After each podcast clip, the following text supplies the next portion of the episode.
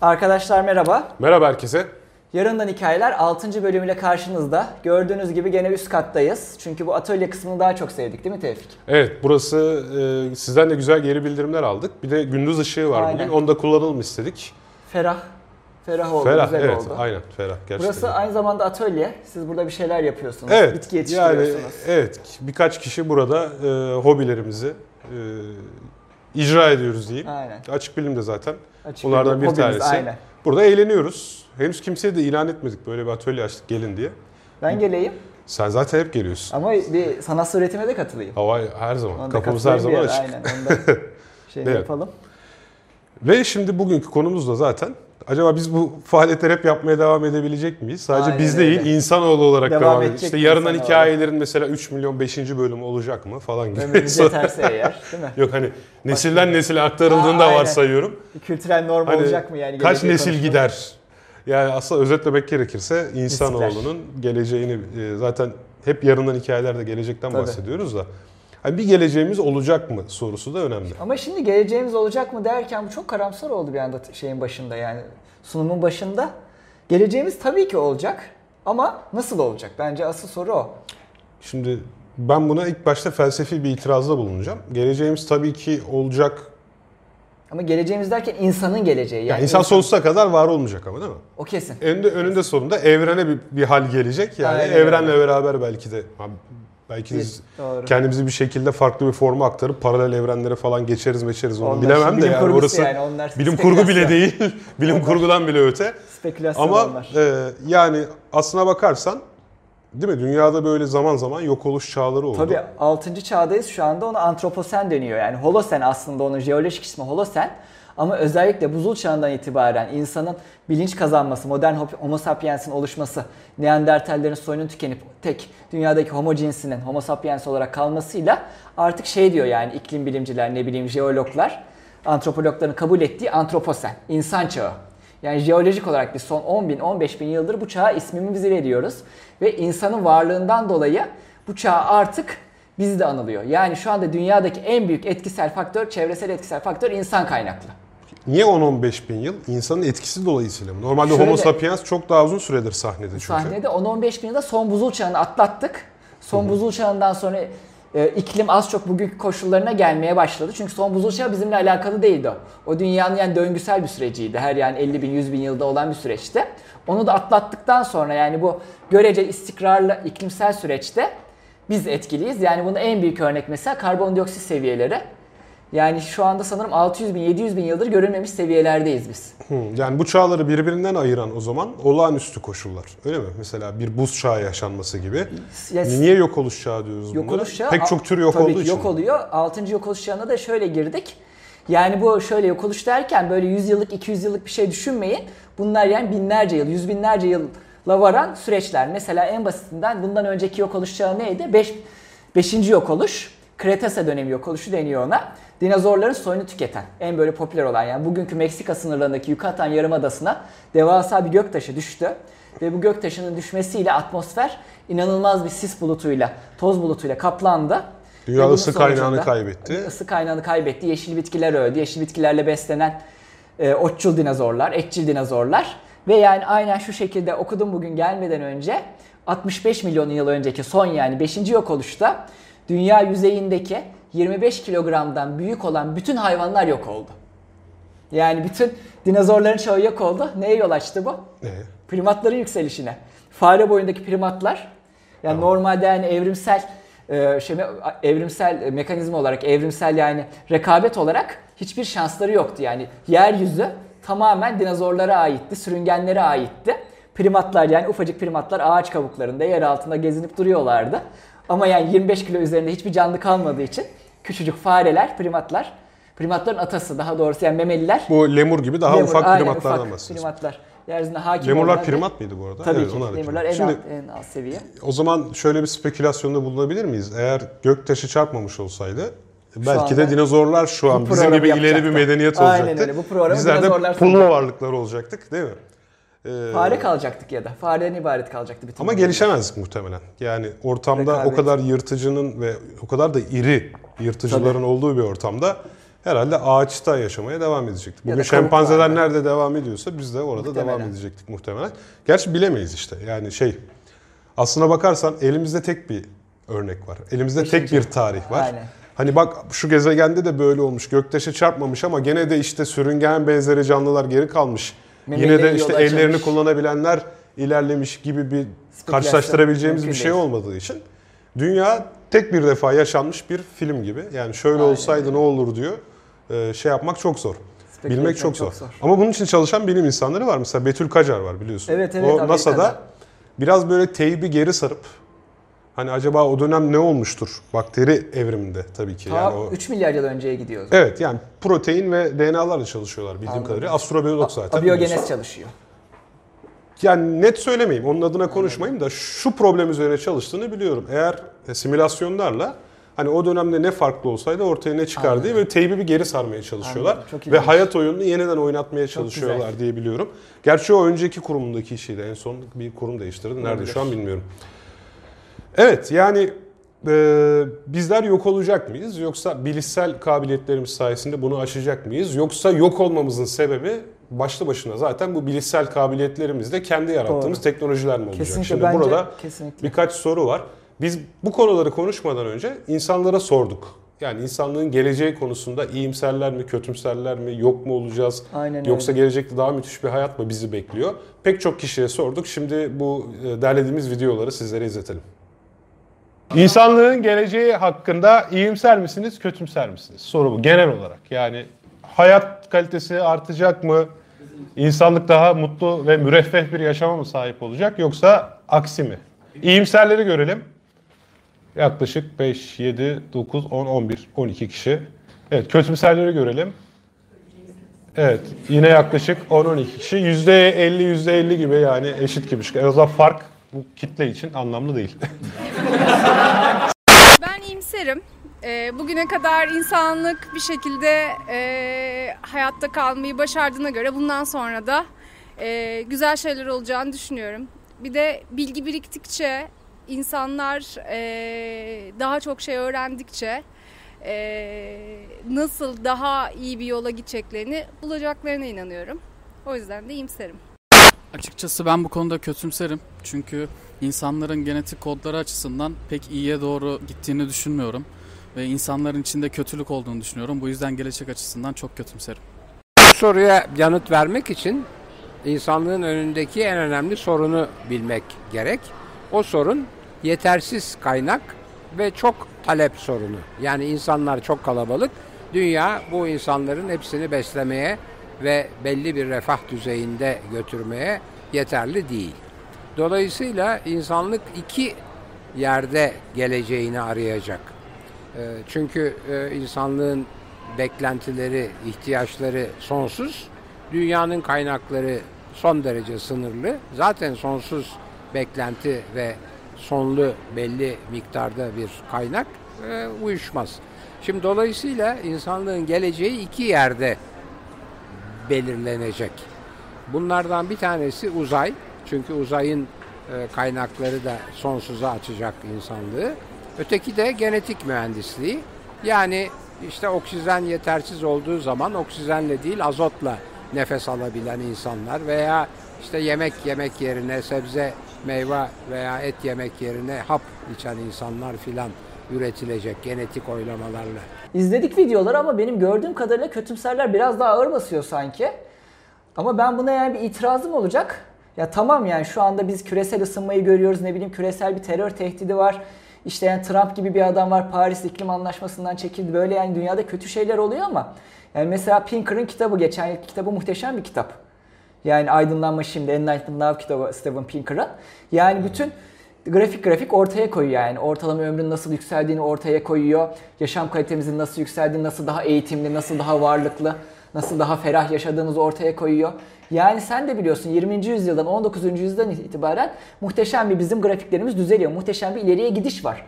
Bu kadar ileriye gidişi biz yok sayarak neden bu kadar kötümser oluyoruz şu anda? Algı neden kötümser? Şöyle, tamam şu tarih yani geçmişle mukayese ettiğimiz zaman bugün çok olumlu görünüyor olabilir.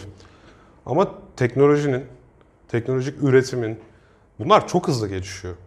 ve insanda bir kontrol kaybı algısı yaratıyor. Algıdan dolayı. Yani her şey o kadar hızlı değişiyor ki 25 sene önceki internet teknolojisini düşün, şimdiyi düşün. O zamanki üretim teknolojisini düşün, şimdiyi düşün. Araba sayısını, otomobil sayısını düşün, çevreyi kirleten etkenleri düşün. Dünyadaki termik santral sayısını düşün vesaire. İnsan nüfusu artıyor. Artıyor. Ee, tüketim artıyor. Kişi başına düşen tüketim artıyor. çok fazla Çok artıyor. daha hızlı artıyor. Haliyle atık üretim miktarı Tabii. artıyor. İşte mikroplastikler gibi belalar falan var Okyanuslar artık denizlerde, kirleniyor. okyanuslarda. Bu arada plastik üretimi ve tüketimi de artmaya Hepsi, devam ediyor. Hepsi. Şimdi bu şeyler o kadar hızlı artıyor ki zincirleme etkilerini de düşündüğün zaman bunların yarattığı bir tehdit varsa bu tehditin üstsel arttığını Tabii, anladım. düşünebiliriz. İnsanlar azalsa çok hızlı bir şekilde kontrolümüzden çıkar diye korkuyorlar. Tamam şu an her şey kontrol altında olabilir. Ama geri dönülemez bir noktaya gelirse e, ne yapacağız? Tıpkı o işte, İşte. Earth Overshoot Day. yani. Overshot aynen. Overshoot Day'den Mesela- bahsedeyim bahset. ben kısaca. Evet. Şimdi dünyanın kendi kaynaklarını belli bir gün yılda yani normalde bir yıl yetmesi lazım teorik olarak dünyanın ama maalesef öyle değil. Dünyanın doğal kaynakları geri dönülemez biçimde yetmemeye başladı ve bu ilk 1987'de saptanmaya başlamış. 1987'de insanlık o yıl 23 Ekim'e kadar olan kaynaklarını tüketmiş. Yani 23 Ekim'de seneyeden yemeye başlamış ve düzenli olarak bu tarih öne çekilmiş, öne çekilmiş. Şu anda 2018 itibariyle 1 Ağustos 2018'de yani 7 ayın sonu daha koskoca 5 ay varken insanlık o yıl tüketeceği bütün kaynakları tüketmiş ve 5 ayı gelecekten yemeye başlamış. Peki oradaki hesap detayları hakkında fikrin var mı? Şeyi merak ediyorum. Gelecekten yemek ne demek? Şöyle söyleyeyim Yani- dünyanın bir yılda yerine mesela- koyabileceği doğal kaynaklar. Ha tamam. bir Burada yıl içinde. Çünkü e, hani ben ilk başta bu şey gibi algılanıyor. 1 Ağustos'ta o zaman yiyecek bitti. 2 Ağustos'ta ne yedik? İşte 2019'da İnsanlar açlıktan yedik. mı öldü diye. Sen burada dünyanın tekrar kendi yenileme potansiyelinden Aynen. Kendi bahsediyorsun. yerine koyabileceği kaynağı biz 7 ayda tükettik. 5 ayda geleceğimizden yemiş olduk. Mesela sadece bunu denizlere vuralım. Evet. Yani biz aslında 1 Ağustos'a kadar ki tüketimimizi okyanuslar telafi edebilir. Kesinlikle. Mesela normalde. Balık tüketimini atıyorum Evet. yani böyle %100 bir korelasyon olacak değil ama teorik öyle Ya, teorik olarak, teorik Aynen olarak. öyle. O zaman 2 Ağustos'tan itibaren ben balıkların nüfusunu azaltmaya başlıyorum Maalesef. anlamına geliyor. Maalesef. Çünkü yani artık dünya onu seneye yerine koyduğu zaman Eksik toplamdaki balık biyokütlesi azalmış olacak Maalesef. yani. Evet işte Kesinlikle. niye insanlar kötümser dediğimiz zaman herhalde bunu düşünüyoruz. Çünkü bir gün bu 1 Ağustos'tan 1 Haziran'a gelecek. Gelecek er geç gelecek. Er yani. geç gelecek ve işte e, o zaman şey artacak yani e, bir kere yiyecek kaynakları tükenecek, tarım alanları tükenecek. Bunlar sıkıntı. Çevresel baskılar artacak. Yani sen, tabii şimdi şu var. insan her zaman bak her zaman bir çözüm bulabilmiş karşılaştığı sıkıntılara. İyimser olanlar genelde o çerçeveden bakıyorlar. Yani şimdi küresel ısınma bir tehdit olmaya başladı. Konuşacağız ilerideki Tabii bölümlerde ki. zaten. Başlı başına bölüm yapacağız Evet, küresel ısınma. evet yani aynen. Bunları tek tek ele aldığımız bölümler olacak. Ama mesela şimdi insanlar havadaki karbonu hapseden makineler geliştirmeye Tabii. çalışıyorlar. Veya işte yarın bir gün sentetik et, sentetik yiyecek belki ortaya çıkacak. Veya işte mikroplastikleri denizden tamamen temizleyen bir bakteri kolonisi ortaya çıkacak. Yani bir şekilde insanlık e, karşılaştığı felaketlere de çözüm bulacak bir kapasite ve kabiliyete sahip gibi görünüyor. Herhalde iyimserliğin temelinde de o vardır. Yani şu ana kadar yani sonuçta bir düşünsene yani 20. yüzyılda neler atlattık biz. Soğuk savaş atlattık, dünya savaşını atlattık. Yani 2. Dünya Savaşı'nın sonunda iki tane atom bombası kullanıldı. Ve insanlık 50 yıldaki soğuk savaş boyunca yani 50 yıl boyunca atom bombalarını bir daha kullanmamayı başardı. Bence bu yani umutlu olmamamız için bir sebep. Evet ama Yani- şimdi Amerika geri çekileceğim diyor işte. Ya ama silahsızlanma haklısın yani ama şu anda Amerika her zaman Trump yönetiminde olmayacak. Her zaman yani bu iklim anlaşmasından değişmesi de bence en az nükleer anlaşmadan çekilmesi kadar yani büyük bir skandal dünya çapında baktığın zaman ama ben yani gene o noktada iyimserim biraz. Her zaman yani şu anki aşırıcılar olmayacak. Şimdi sen hep benden iyimsersin açıkçası. Ben Öyle insanoğlu çiğ süt emmiş diyen taraftayım. Evet. Evet, hep sen onu savundun. Evet yani e, işler çok hızlı bozulur gibi geliyor bana. Neden? Ama yani bak ben de şunu diyorum inatla 20. yüzyıl bence insanlığın yani hakikaten bu teknolojiyle, yapay zekayla, sanayileşmenin doruk noktasıyla, nükleer enerjiyle her şeyle biz 20. yüzyılda karşılaştık. Sağ salim atlattık. Şimdi yani 21. atlat- yüzyılda daha şeyiz, olgunuz. Ben, Ben, öyle şöyle düşünüyorum. düşünüyorum. Şans Şans eseri atlattık. Yok evet yani şu hayır şans şu. Gelişmiş ülkelerde hümanizmin var oluyor olması. Dolayısıyla siyasetçiler yapacakları popülizmi zaten hümanizm üzerinden kurguluyorlar. Eğer bu bozulursa mesela tüm dünyada sağ siyaset yükselmeye Tekrar başlıyor tamam mı? O zaman prim yapmanın yolu zaten işte dünyaya barış getirmek ya da bir savaş çıkarmak için tüm kamuoyunu ikna edecek illaki bir neden aramaya çalışmamak. Hatta bilakis kamuoyunu konsolide etmenin yolu e, zaten Tehdit, savaş çıkarmak tehdit, olabilir. savaş yani bir dış düşman yaratmak ve o dış düşmanı bak ben tepeledim. Bu insanlar oy almaya başlarsa tamam mı? Her şey düşündüğümüzün aksine Maalesef. gitmeye başlayabilir. Katılıyorum. Ha burada işte sen sağduyuya güveniyorsun. Tamam mı? Tüm insanlık. Niye? Şu an Twitter'la iletişim kuruyoruz. İşte bir yerlerde birileri hani bırak savaşı e, birisine ağır hakaret edip saygısızlık etse bile hayat Linç sadece yiyor. insanı bırak Aynen yani tamam mı? İşte bir köpeğe, fok balığına işkence edilirse bile tüm dünya ayağa kalkıyor. Aynen. Çünkü şu, şu an tüm dünyada böyle e, bu eğitim es, zamandaki eğitim sisteminin tamam mı meyvelerini yiyoruz. Ama dünyada eğitim de bozuluyor. Bozul- Ama yani, bir Yani dakika. bütün dünyada tamam mı sağ siyasetin, ucuz popülizmi, Evet. post-truth'un tamam mı? Bunların yükseliyor olması bana gelecekte yani şu anki o sağduyu, o örgütlü Evet. hümanizmin yavaş yavaş ortadan kalkması e, Tamam. riski olduğunu uyandırıyor bende. Bu yüzden ben endişeliyim. Endişelisin. Ama bizim göreceğimiz zaman zarfından bahsetmiyorum. Ya şimdi şöyle bir sana eleştirim olacak. Sen bu popülizmin yükselmesi ve normal şu anki yani 2019 demokrasi algımızda devletlerin yönetileceği ön kabulü üzerinden bu kötümserliği öne sürdün. Şimdi ben bir Türkiye Cumhuriyeti vatandaşı olarak demokrasi algım yok ama neyse. Yani demokrasi en azından beklentin diyeyim. Yani senin beklentine göre halk popülist olursa halkın seçtikleri de popülist olur. Ve bu popülist sağ siyaset aşırıcılığa varır. Evet çok şükür Ve bu- bizde yok ama yani e, işte olan mesela Norveç'te var değil mi? Bizde yok. Norveç'te Evet Norveç var. mesela Norveç'in hali çok kötü Norveç ya. çok faşist. Oo acayip. Maalesef. Evet. Neyse şunu söylemek istiyorum. Ben de sana şöyle bir itirazım olacak. Ben gene yani insan sağduyusuna güvenerek bence bu yani popülist demokrasilerin, bu sağcı aşırıcılıkların, bu ülkeler arasındaki askeriye varan, savaşa varan rekabetlerin çok ilkel görülünüp önümüzdeki 10-20 yılda tekrardan ülke yönetimlerinde bir meritokrasiye, aristokrasiye dönüşün olacağını ve bu yani şu anda çok artmış halk şeyinin yani halk egemenliğinin, halk popülizminin ket vurulacağını düşünüyorum. Bence artık ileride meritokratlar yönetecek bizi. İstesek de halk yani ne kadar popülist olursa olsun işte Birleşmiş Milletler'de, Amerika'da, Avrupa'da yani şeye karar veremeyecekler. Biz küresel ısınmaya inanmıyoruz. Biz küresel ısınma bir komplodur deme şansları olmayacak. Valla tam Neyse. tersini plutokratların yöneteceğini düşünüyorum bense tam tersini. Yani güçlü ve zengin olanın seçme ve seçilme hakkı olacağına ki diğer bahsettiğimiz konular insanların vasıfsız kalması, yapay zekanın onların işlerini alması gibi konularla birleştirdiğimiz zaman işte bu bana daha olası geliyor. Ama bence şöyle bir şey yani dünyanın kötüye gitmesi, dünyada savaş olması, devletlerin birbirleriyle yani savaşa varan şeylere girmesi, gerginliklere girmesi kimsenin işine yaramaz. Yönetici sınıfın da işine yaramaz. Valla yani Bence- şu an çok aşırı uçlarda diktatör ülkelere düşün. Kuzey Kore, Kuzey Kore olabilir, Suriye olabilir. İşte eee Venezuela. Kaddafi düşmeden önceki Kaddafi yani şeyi düşün, Libya'yı düşün, Venezuela'yı düşün. Valla halkın özellikle popülizm hani Evet. oy kaygısıyla ortaya çıkıyor ama şu an öyle bir kaygıları yok. Çünkü zaten seçimler, Seçimler bile yalan. adam gibi yapılmıyor. Yani doğru dürüst bir seçim sistemi de yok. Valla kendi malikanelerinde Keyif çatıyor. keyif çatıyorlar. Halk aç mı, birbirini mi kırıyor, mezhepler birbiriyle mi dövüşüyor? Umurlarında da değil. Bütün dünya böyle bir sisteme oturur ve bu insanlar da birbirleriyle anlaşırlarsa yani Biliyorum tamam zıt mı? kutuplar anlaşıyor ama bak şöyle Yani- bir itirazım var. Önceki cümlelerim de ona yönelik de tutup yani şu anda ortalama sıcaklık 16 dereceyi vurdu. Tutup 18 dereceyi vurunca ortalama sıcaklık. Afrika'dan işte 100 milyon kişi Avrupa'ya, kuzeye doğru akın etmeye başlayınca o kadar yani acil sorunlarımız çıkacak ki bence bu popülizmin hakikaten yani işe yaramadığı anlaşılacak ve evrensel bir yani yönetim belki Birleşmiş Milletler dersin, belki NATO dersin, belki Avrupa Birliği dersin masaya yumruğunu vurup yani mesela Harari buna diyordu artık. Yani bu küresel krizler o kadar büyük ki küresel kriz Amerika'nın sorunu değil. Çin'in sorunu değil. Avrupa Birliği'nin, Japonya'nın, Afrika'nın sorunu değil. Hepimizin sorunu. 7 milyarın sorunu bu.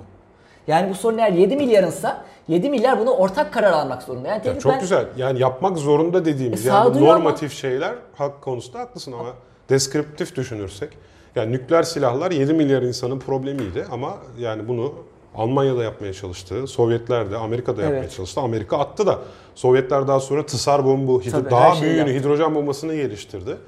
Ve yine daha fazlası olabilir diye düşünüyorum ben. Bence bu kısır bir tartışma. Niye? Sağduyu. Çünkü gelecek hakkında spekülasyon yapıyoruz. Doğru. Yani umarım sen haklısındır bu Umarım. Tabii insanlığın kazanır. geleceği açısından umarım sen haklısındır. Ben sadece ümidimi yitirdim. Ben çünkü Belki şeyle alakalı yani sonuç itibariyle zihin üzerine, psikoloji üzerine çalıştığım için insanın nasıl davranış. tabii insanın nasıl kolaylıkla gaza geleceğini, nasıl bütün değerleri bir kenara bırakabileceğine yönelik daha fazla beklentim var gibi düşünüyorum. Yani insan çok kolay manipüle edilebilire inandığım için Anladım. gereğinden fazla karamsar olabilirim. Belki sen haklısındır. Yani her durumda hele artık bu devirde sağduyu daha egemen olur diye düşünüyorum. Yani- Ama işte tüm dünyada internetin kopmasına bakar bu işler biliyor musun? Yani hani Anladım. bu sağduyu niye düşünüyoruz? Bu sağduyuyu insanların tüm dünyadaki insanların birbirinden haber alıp gene de iyiliğin Evet. örgütlenebileceğini düşünüyorum. Ama bir kötülük her zaman daha hızlı örgütlenir bana göre. İki, iletişime bir hayal geldiği zaman ki bir savaş çıkarsa bu olabilir. Amerika Şey, Trump. Trump, Trump'tan daha manyağının geldiğini düşünelim. Yine post-truth gibi araçlarla. Yani tüm dünyaya zaten işte o kötücül planını ortaya koymadan önce herhalde Amerikan iletişim uyduları vasıtasıyla tüm dünyadaki iletişimi de sekteye uğratacak. Fiber kabloları Ne olacağını keserler. bilmeyebiliriz yani. O zaman haklısın yani iletişim kesildiği anda o yani çıkacak panikle muhtemelen insanların şu anda ben yani o kadar internet hayatımıza girdi ki insanlar Google'a giremezse, SMS'e, WhatsApp'a giremezse yani öyle bir boşluğa düşeriz ki özellikle bizim Ve kuşaklar paniğe kapılır ne oluyor diye. çok kötü paniğe Bir sürü kapılırız. söylenti ya. Şuradan der ki işte Aynen Amerika'yı öyle. uzaylılar işgal etmişler Tabii, birisi. nasıl Buraya kanıtlanacak? geliyorlarmış şu an der. İşte yok bir tanesi der Aynen ki işte öyle. Rusya meğer işte nükleer Kesinlikle füzelerini katılıyorum ateşlemiş, sana. Türkiye'ye de ateşliyormuş şu an der. Yani o iletişimsizlik adamı ne yapar? Ya bırak ben sana şunu söyleyeyim. Bak bırak insanlığın sağduyusunu falan. Ya burada sel olunca insanlar birbirinin malını yağmalıyor ya. Oldu bu. Ama Ya oldu. 99 depreminde insanlar enkaz altındaki kişilerin kollarını keserek bileziklerini ama çok çaldılar. o şey olaylardı yani. Çok uç olaylar Çok uç tamam. ve yani belki 10 binde bir, 20 binde bir yani. Tamam ama kontrolün altında olduğun için uç olayların sayısı istisna kaldı. Çünkü asker vardı, polis Çünkü asker vardı. vardı, kontrol koyuldu veya sel dediğin zaten sabah başlıyor, akşam bitiyor. Evet. Toplumsal sözleşmenin bozulduğunu hayal etsene. Kesin devlet yoksa Şimdi katliam. var. haber alamamak demek devlet yok da demek Doğru, aynı zamanda. aynı tamam şey. Çünkü haber alamıyorsun. Yani haber alamadığın için tamam mı? Şey yapamıyorsun. Şeyi- Sen istediğin kadar iyi olmaya çalış. Ya ben çok distopya izledim herhalde. Bundan böyle oluyor ya. Tevfik ama şeyi hatırlarsın sen de. 2015'te tam tarihini de vereyim. 31 Mart'ta. Çünkü bayağı net hatırladım. Tam bugünden yani 4 yıl önce ülke genelinde Van hariç, Van İran'dan satın alıyormuş elektriği. Onun dışında ülke genelinde tamamen Isparta'da da kesildi, İzmir'de, Ankara'da, İstanbul'da her yerde elektrik kesildi. 2-3 saat belki 5-6 saat sürdü bu hatırlıyorsunuz ama Evet evet. cep telefonlarımız sayesinde internete ulaştık. Ama Evet. mesela telefonlarımızda bataryası bitseydi ertesi gün bence de korkunç olurdu. Tabii. Hatırlıyorsun o günü değil mi? Hatırlıyorum yani çünkü enerji hatta yani Enerji Bakanlığı eleştirilmişti falan. İyi hatırlıyorum. Korkunç bir gün değil miydi sence o Türkiye için? Yani herhalde internete eriştiğim için bana korkunç gelmiyor. işte Ama çünkü düşündüğün zaman- erişemesem inanılmaz korkunç E olurdu. işte bir gün yani. daha Çok sürseydi, acayip şarjın bitseydi ne olacaktı? yani. Aynen. Gerçekten. Düşünsene sen İstanbul'da, Jeneratör dilenirdin falan insanlardan. İstanbul'da 20 bin tane jeneratör var, 15 milyon nüfus var İstanbul'da. İşte düşün şimdi İstanbul depreminden sonraki kaosu ya. Valla düşünmek istemiyorum. İstanbul depreminden Hayal sonra. edemiyorum. Bazen diyorum böyle bir roman mı yazsam falan diye de Bundan hayal bir post edemiyorum. apokalipsi olabilir mi yani değil mi İstanbul depremi? Valla bence olacak. Yani bırak yani herkes hayatta kalsın. 17 milyon ama sadece yollar çöksün. Bak herkes hayatta kalsın sadece yollar çöksün. 17 milyon insanın Beslenmesi. nasıl su ya beslenmeyi bıraktım. Su ya insanlara günde 1 litre su vermen gerekse günde 17 milyon litre suyu iyi bir şekilde organize olarak İmkansız. dağıtman lazım yani. İmkansız. Neyse bu konulara girmeyelim. Canımız Gerçekten sıkılacak. Türkiye için varoluşsal bir risk diyebileceğimiz bir şey. İstanbul İstanbul, depremi. depremi. zaten. Peki varoluşsal risk ne? Yani programı kapatmadan bu konuya Kapatmadan mutlaka Son birkaç cümle giriş yapmış olalım. haftalarda konuşalım bunları. Şimdi varoluşsal risk yani existential risk, varoluşçuluktan belki bilirsiniz. E, existentializm. Existential risk, varoluşsal risk.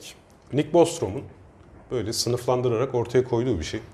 Nick Bostrom ekranlarınızda da gösteririz zaten. Riskleri yani küresel, yerel, kişisel önce olmak üzere. Gerçi şu an güncellemiş galiba. Evet, ben büyümüş çok eski bir açık bilim çalışmamdan şey yapıyorum. İstersen Wikipedia'dan da Wikipedia'da aynen bakabiliriz. büyümüş Wikipedia'da bak. Evet, bakalım. Evet, kozmik, nesiller arası, küresel, Küresel, yerel, ve kişisel, kişisel. olmak üzere önce 5 sınıfa ayırıyor. Yani diyor ki Bostrom, ya kozmik ölçüde, mesela evren bir simülasyonsa kapanırsa Simülasyonun gibi, çökmesi. ya kozmik ölçüde olabilir bir varoluşsal risk, ya nesilden nesile, ee, ya küresel, yani şu an bütün küreyi Nükleer etkileyen savaş. yer küreyi veya işte küresel ısınma gibi, İşte e, yerel olabilir ki İstanbul depremi bunun için Yerel, örnek aynen ya da öyle. kişisel olabilir bir felaket değil mi zaten? Benim başıma gelmiştir. Elektrik Başka çarpması. kimseyi evet enteres etmez. Ve bu riskleri de e, önceden ikiye ayırıyordu. Dayanılabilir ve ölümcül olmak üzere. Şimdi üçüncü bir sınıf daha gelmiş. Imperceptible. Yani algılanamaz. Aynen öyle. Kişisel algılanamaz riske de işte tek bir saç telini Kişisel kaybetmek koparmak. diye örnek vermiş. Ondan sonra dayanılabilir ve terminal yani ölümcül. Tamamen sona erdirici diye. İşte bizim varoluşsal risk dediğimiz şey nesilden nesile olan ve ölümcül olan. Yani insan nesillerine bir şekilde ortadan kaldıracak olan eskiden global katastrofikti. Evet. Artık transgenerational terminal olmuş o. Transgenerational. Ee, bu tür risklere varoluşsal risk diyoruz. Varoluşsal riskler yani tekrar özetlemek gerekirse insan varoluşunu sona erdirebilecek potansiyele sahip riskler. Varoluşsal riskleri de Bostrom birkaç şeye ayırıyor. Bunları Türkçe'ye tercüme ettim. Sen- Türkçe'ye sen tercüme ettin edince direkt kez? komik oluyor. Evet. Muhtemelen ilk ben ettim. Açık bilim yazımla etmiştim. Ee, birincisi patlamalar. Patlamalar tanımı tercüme ettiğim için direkt okuyorum. Nick Bostrom'un ilgili makalesine başvurabilirsiniz. Kasıtlı ya da kazara aniden gerçekleşen bir felaket sonucunda dünya üzerindeki akıllı yaşamın küt diye sona erdiği senaryolar. Ölümcül virüs mesela. Evet kuyruklu yıldız çarpması yani çok Evet. şiddetli bir kuyruklu yıldız çarpar insan ırkı tamamen ortadan kaybolur. İşte hızla ölümcül bir virüs salgını, kontrolsüz bir nükleer kıyamet, işte uzaylı istilası ki sıradaki programda Aynen, onu konuşacağız. İşte Grey Goo senaryosu var gelecek programlarımızda yine konuşacağız. nanoteknoloji. Nanoteknolojik bir felaket. İşte eğer bir simülasyonda yaşıyorsak adamın bu simülasyonu eğer Kapanması. yetti deyip sıkıp kapatması ya Ya da, da bug dini perspektiften kıyamet, Kıyamet. değil mi? İşte yapay zekanın e, insanlığı tamamen yok etmeye Terminator karar vermesi gibi. senaryosu. Yani bir şekilde yeryüzünde tek bir insan bile kalmıyor. Burada tam bir e, Felaket. soyunun tükenmesi, insan soyunun, Homo sapiens sapiens soyunun tükenmesinden bahsediyoruz. Buna patlamalar diyor Nick Bostrom. İnsan yoksa tarihte yoktur yani. Uygarlıkta yoktur. Uygarlığın sona ermesi kalıcı olarak. Komple. Kalıcı yani olarak. bir kişi bile kalmıyor. Ama Ve geri dönüşümsüz. bir risk daha var. Bu da varoluşsal risk Nick Bostrom'a göre. Çünkü mesele sadece insanın biyolojik olarak ortadan kalkması değil, insan medeniyetinin tamamen ortadan kalkması da bir risk. Ona çatırdamalar diyor. Yine tanımdan, tercüme ettiğim tanımdan şey yapıyorum. İnsanlığın gelecekte gelişmiş ve sağlıklı bir medeniyet kurma imkanını tamamen ortadan kaldıran, insanlığın hala yaşadığı ama farklı bir formda hayatını sürdürmesine neden olan senaryolar Mad Max. Gibi. Muhteşem Evet. bir film Mad Max. Yani şu an iyi kötü bir medeniyete, uygarlık seviyesine ulaştık. Öyle bir felaket gerçekleşebilir ki tamam yeryüzünde hala insan kalabilir. 100 milyon mesela. 100 milyon veya tümümüzün kaldığını varsay. Ama bir elektromanyetik işte e, patlama neticesinde falan tüm üretim kabiliyetlerimizi O zaman- yitirdiğimizi O varsay. zaman 3 milyar hayatta kalır, 2 milyar hayatta kalır. Yani şey olmadan, bilgisayar, internet, elektrik olmadan 6 milyar doymaz. Tamam yani işte çatırlamalara uygun bu da. Yani bir şekilde şu anki medeniyetimizi Çöker. tamamen kaybettiğimiz ama şu da var tabii. Gelişmiş ve sağlıklı bir medeniyet kurma imkanının da tamamen ortadan kalkması lazım. O zaman şey Bir Mad şekilde Max. kurarız. Yani önce işte santralleri Tabii, kurarız aynen değil mi? Üretim bantlarını tekrar oluştururuz O falan. zaman böyle belki dünyada bölük pörçük birbirinden haberi olmayan 3-5 kabile kalması bu herhalde. Değil mi? Avustralya Belki o kabilesi, olabilir Afrika ya da kabilesi. evet yani artık bir yerden bir yere kaynak transferi mümkün olmaya Haberleri yok. haberleri olmaz doğru. Ee, kaynak transferi yapmak. Şimdi bir şekilde tüm e, motorlu araçları yitirdiğimizi varsay ve senin dediğin gibi bir senaryo olsun. Dünyanın çok farklı bölgelerinde farklı farklı gruplar Aynen. var. Ortaçağ. Bunların birbirleriyle iletişmesi yani buradan İmkansız. kaç kaç yürüyerek ne kadar sürede gidebiliriz ki mesela bir Beş e, Avrupa'nın diğer ucuna? Bir yıl, iki yıl. Yok be. 4000 kilometre desen günde 40 kilometre yürüsen 100 günde gidiyorsun. Tamam. Yani bir yıldan az. Ama şeye gitmen imkansız. Okyanus aşırı bir Aynen yerlere öyle. gitmen. Yani Amerika kıtasına gitmen. geçemezsin ya da Avustralya'ya Güney Amerika'ya gidemezsin. gidemez. Aynen. Belki tersten biz de Kızılderililer gibi Bering Boğazı donunca oradan yürürüz falan diye senaryolar kurabiliriz belki de. Ama tam bir Mad Max durumu. Aynen öyle. Ya da işte 12 maymun. 12 May muhteşem. 12 maymun, 12 maymun. Mutlaka izleyin. Yani hani izlediğim en iyi bilim kurgu Kesinlikle. filmleri diye bir liste yapsam e, her zaman birinci sırada olmaya adaydır. Contact mi 12 maymun mu diye bazen böyle düşünürüm. Ama 12 maymun Şey de o, Müthiş may- ya. maymunlar cehennemi de buna yakın çatırdamalar. Uygarlık ortadan kalkıyor. Maymunlar cehennemi doğru, doğru. Yani uygarlığı teslim etmiş oluyoruz galiba. Aynen öyle. Evet. Başka neler var böyle? Örnekler vereyim bu arada. Zeka gerilemesi, Idiocracy vardı. Ha, Bir evet. komedi filmiydi ama Mizah e, mesela insanlığın tekrar bir daha o medeniyet kurma imkanı ortadan kalkmıştı doğru. Temelli olarak. Sosyal düzenin tamamen yık- ya şey düşünüyoruz biz hep ölümcül virüs gibi düşünüyoruz da gerçekten dünyada öyle bir virüs salgını olsa ki Bizi hepimizin bilis aptallaştıracak. evet hepimizin bilişsel yeteneklerini yitirsek. Okumayı unutsak mesela. Düşünsene. Düşünsene inanabiliyor Okumayı musun unuttuğumuz yani? zaman bittik. Hayvandan farkımız yok yani. O kadar değil de Demeyeyim de yani hala hatırladıklarımız var sonuçta. hatırladıklarımız var ama okuyamazsak hakikaten yani Wernicke alanı bir anda yani. Peki şey herkesin olsun. Alzheimer olduğunu düşünsen ki Alzheimer'ın bir bakteriyle de ilişkisi Her- var galiba. her- herkes Alzheimer olursa öz bakım gidiyor ya Alzheimer'da. Öz bakım gittiği için muhtemelen uygarlık sona erer yani birkaç yıl Direkt içerisinde. erer diyorsun. Çünkü kendi şeyinin varlığının farkında olmuyorsun. Kendi yani beslenme ihtiyacın, kendi temel hijyen ihtiyacın olmuyor. Salgın hastalıklar yayılır. Şu. Ama içgüdüsel olarak ne bulursak yemeye başlamaz mıyız ne bileyim yani bir şekilde. Hijyen bitiyor. Yani sonuçta hijyen, temizlik biter, salgın hastalık başlar. İnsan nüfusu azalır. Tamamı yok olmasa da bazıları daha bağışıklık sahibi olacaklar. Denize yakın olanlar daha fazla, ya akarsuya yakın olanlar. Üre- Şans eseri, e, ha üreme yok. Üreme olmaz. İçgüdüsel olarak da olmaz mı ya? Ama işte Alzheimer olunca yani çok şey bir tablo yani tutup yani bir demans tablosu olduğu için gençlerde de çok nadiren gelişiyor ama şeyle bir tutamazsın yani içgüdülerin korunmasıyla bir tutamazsın. Çok kompleks bir tablo. Öyle mi? Yani 70-80 yaşından sonra gelişen. Çok açıkçası yorum yapamadım o noktada Neyse, ama bence salgın hastalıktan Bu biter yani. ilginç Alzheimer. herkesin Alzheimer olduğu bir Yatalak oluruz en başından yani. Doğru Zamanla. diyorsun. İşte mikroplastik krizleri, antibiyotik dirençli bakteri salgınları, yeraltı göçü, uzaylı tahakkümü, işte maksimum küresel ısınma gibi. Yani bunlar birkaç insanı hayatta bıraksa da ya da insan gruplarını e, medeniyet ihtimalini ortadan kaldırıyor. Buna da çatırdamalar diyor Nick Bostrom. Bir de çığlıklar var. Çığlıklarda ise insanlığın çok küçük ve imtiyazlı bir kısmı mevcut medeniyeti sürdürürken Evet. insanlığın çok büyük çoğunluğu az önce dediğimiz durumda. Sefilleri oynuyorlar yani milyarlar sefilleri oynuyor. 5-10 milyon insan. Evet öyle imtiyazlı bir kesim. Mesela az önce söylediğimiz bütün o felaketlerde bir grubun mağarada kendine daha iyi bir yaşam kurduğunu varsay. Pek çok distopya buna zaten dahil veya o daha önce yapay zeka konusunu konuştuğumuz zaman yapay zeka Silikon sanayisinde evet, Silikon. Vadisi kurtarıp diğer insanlar Belki Mars'a gidecekler kurtaracaklar yani. Dünya yaşanmaz olacak. Ayda DNA Mars. elitizmi olabilir. Tabii, yani Gattaca Gattaca, gibi. filmindeki gibi şey şu da olabilir. İnsanlar işte DNA ile kendilerini geliştirebilirken ya da nanoteknolojiyle Evet. ya da bilgisayar teknolojileriyle buna erişemeyen insanlar Homo sapiens sapiens kalmaya devam Aynen. ederken bir grup insan kendi Homo sapiens'ten Transhumanizmin ayıracak. şey olması yani posthumanizmin tamamen bir kas, kast olması. Kas Aynen. sistemi olarak Tabii kalıcı. tabii. Bunu da konuşalım mutlaka. Bu Bunlar da bir konu. çığlıklar olarak adlandırılıyor Nick Bostrom'un senaryolarında. Bir de sızlanmalar var. Niye böyle isimler vermiş bilmiyorum ama Sen yani çevirince güzel ama? böyle oluyor. Yapacak bir şey yok. Gelişmiş ve sağlıklı bir medeniyetin ayağa kalkabildiği ancak onun da yavaş yavaş ve geri döndürülemez biçimde değer verdiğimiz her şeyi yitirdiği veyahut bugüne kadar elde etmiş olduklarımızın çok küçük bir kısmına sahip olan bir devlete dönüşebildiği sonucunu yaratma potansiyeline sahip senaryolar demiş. Mesela örnek vakıf vakıf serisi. Vakıf okusun serisinde arkadaşlar. imparatorluğun çöküşü mesela tam bana bu sızlanmaları e, Şey- anlatmıştı. Veya otomatadaki insan Evet. medeniyeti artık bu sızlanma seviyesindeki medeniyet. Yani yok Tamam, olmaya doğru yok. gidiyordu kaçınılmaz Bunun olarak. iki tane örneğini verebilirim ben. Yani hemen Roma İmparatorluğu mesela. Roma İmparatorluğu milattan sonra 2. 3. yüzyılda öyle bir doruğa ulaşmıştı ki ve maalesef o doruktan sonra yani o sınırlar genişledi. İşte batıdan, işte doğudan gelen akınlar yıkılması önlenemedi ve zamanlara yayılarak bir anda yıkılmadı. Yani 200 yılda yıkıldı, 150 yılda yıkıldı. Ve Roma İmparatorluğu yıkıldıktan sonra Batı Avrupa Haçlı seferlerine kadar bir daha yani o ilk çağdaki organizasyon seviyesine, uygarlık seviyesine, ticari seviyesine, nüfus seviyesine ulaşamadı. Valla- Bin yıllık bir boşluk yani. Osmanlı da çok farklı değil düşündüğün zaman. Ama yani Osmanlı'nın çöküşü bölgesel bir çöküştü.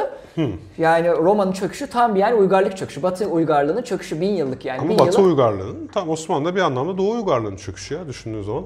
Yani o yıllara bakarsan olabilir. O da yani önlenemez O sırada Batı zaten e, Yükselmişti. bayrağı aldı, yükseldi gitti. Diğer örnekte Sovyetler Birliği'nin çöküşü çok kısa süreli oldu. Yani Sovyetler Birliği çöktükten sonra 2000'li yıllara kadar hiçbir Sovyetler Birliği'nden yani ayrılan hiçbir ülke, belki Litvanya, Letonya, Estonya hariç, batı, en batıdaki ülkeler hariç, Sovyetler Birliği'nin 80'lerdeki hayat standartına asla ulaşamadı.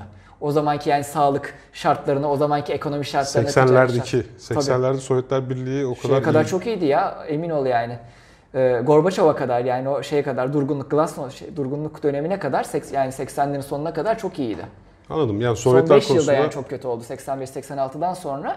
Yani hatta şeydir yani o çoğu Orta Asya'da ve Rusya'da yani 50-60 yaşın üstündeki çoğu insan hala sonuna kadar sosyalizm destekçisidir. o kesin. Onu babam da Kazakistan'a gittiğinde insanlar ya komünizm varken iyiydi falan diyorlarmış da yani o- Yaşlılar tabii belli Ama orada uygarlık değil, gıdaya erişmek kadar basit şeylerden bahsediyor Tabii, insanlar. sağlık. O yüzden özlüyorlar. Çünkü şu an işte oralarda iyi tarım politikaları vesaire olmadığı için, teknoloji ileri olmadığı için Onlar- insanlar gıdaya bile erişmekte sorun çekiyorlar. En azından o zaman gıda dertleri Tabii. yoktu Böyle herhalde. bölgesel bir çöküş denebilir ona ya- yani Sovyetlerin çöküşüne de. Peki yani o zaman biz bundan sonraki programlarda artık birkaç bölüm, kaç bölüm gideceğimizi henüz bilmiyoruz. İşte Doğaçlama. uzaylı istilası, nanoteknolojik riskler, işte Küresel, küresel, ısınma, mutlaka. İşte e, yapay zekayı çok konuştuk Çok zaten. konuştuk. Oraya gelmeyiz. Ama bir ölümcül virüs, kasıtlı ya da kasıtsız hastalık. Bu gibi her bölümde birer tane e, şey ele almayı düşünüyoruz. Varoluşsal risk konusunu. Yani karamsar olacağız birkaç ay daha. Birkaç ay demeyeyim de bir ay daha karamsar olacağız. Evet, biraz karamsar olarak bu konuları Devam konuşacağız, deşeceğiz. E, bu haftalık bu kadar o zaman. Aynen. Değil mi? Haftaya o zaman görüşmek üzere Görüşürüz. arkadaşlar. Hoşçakalın.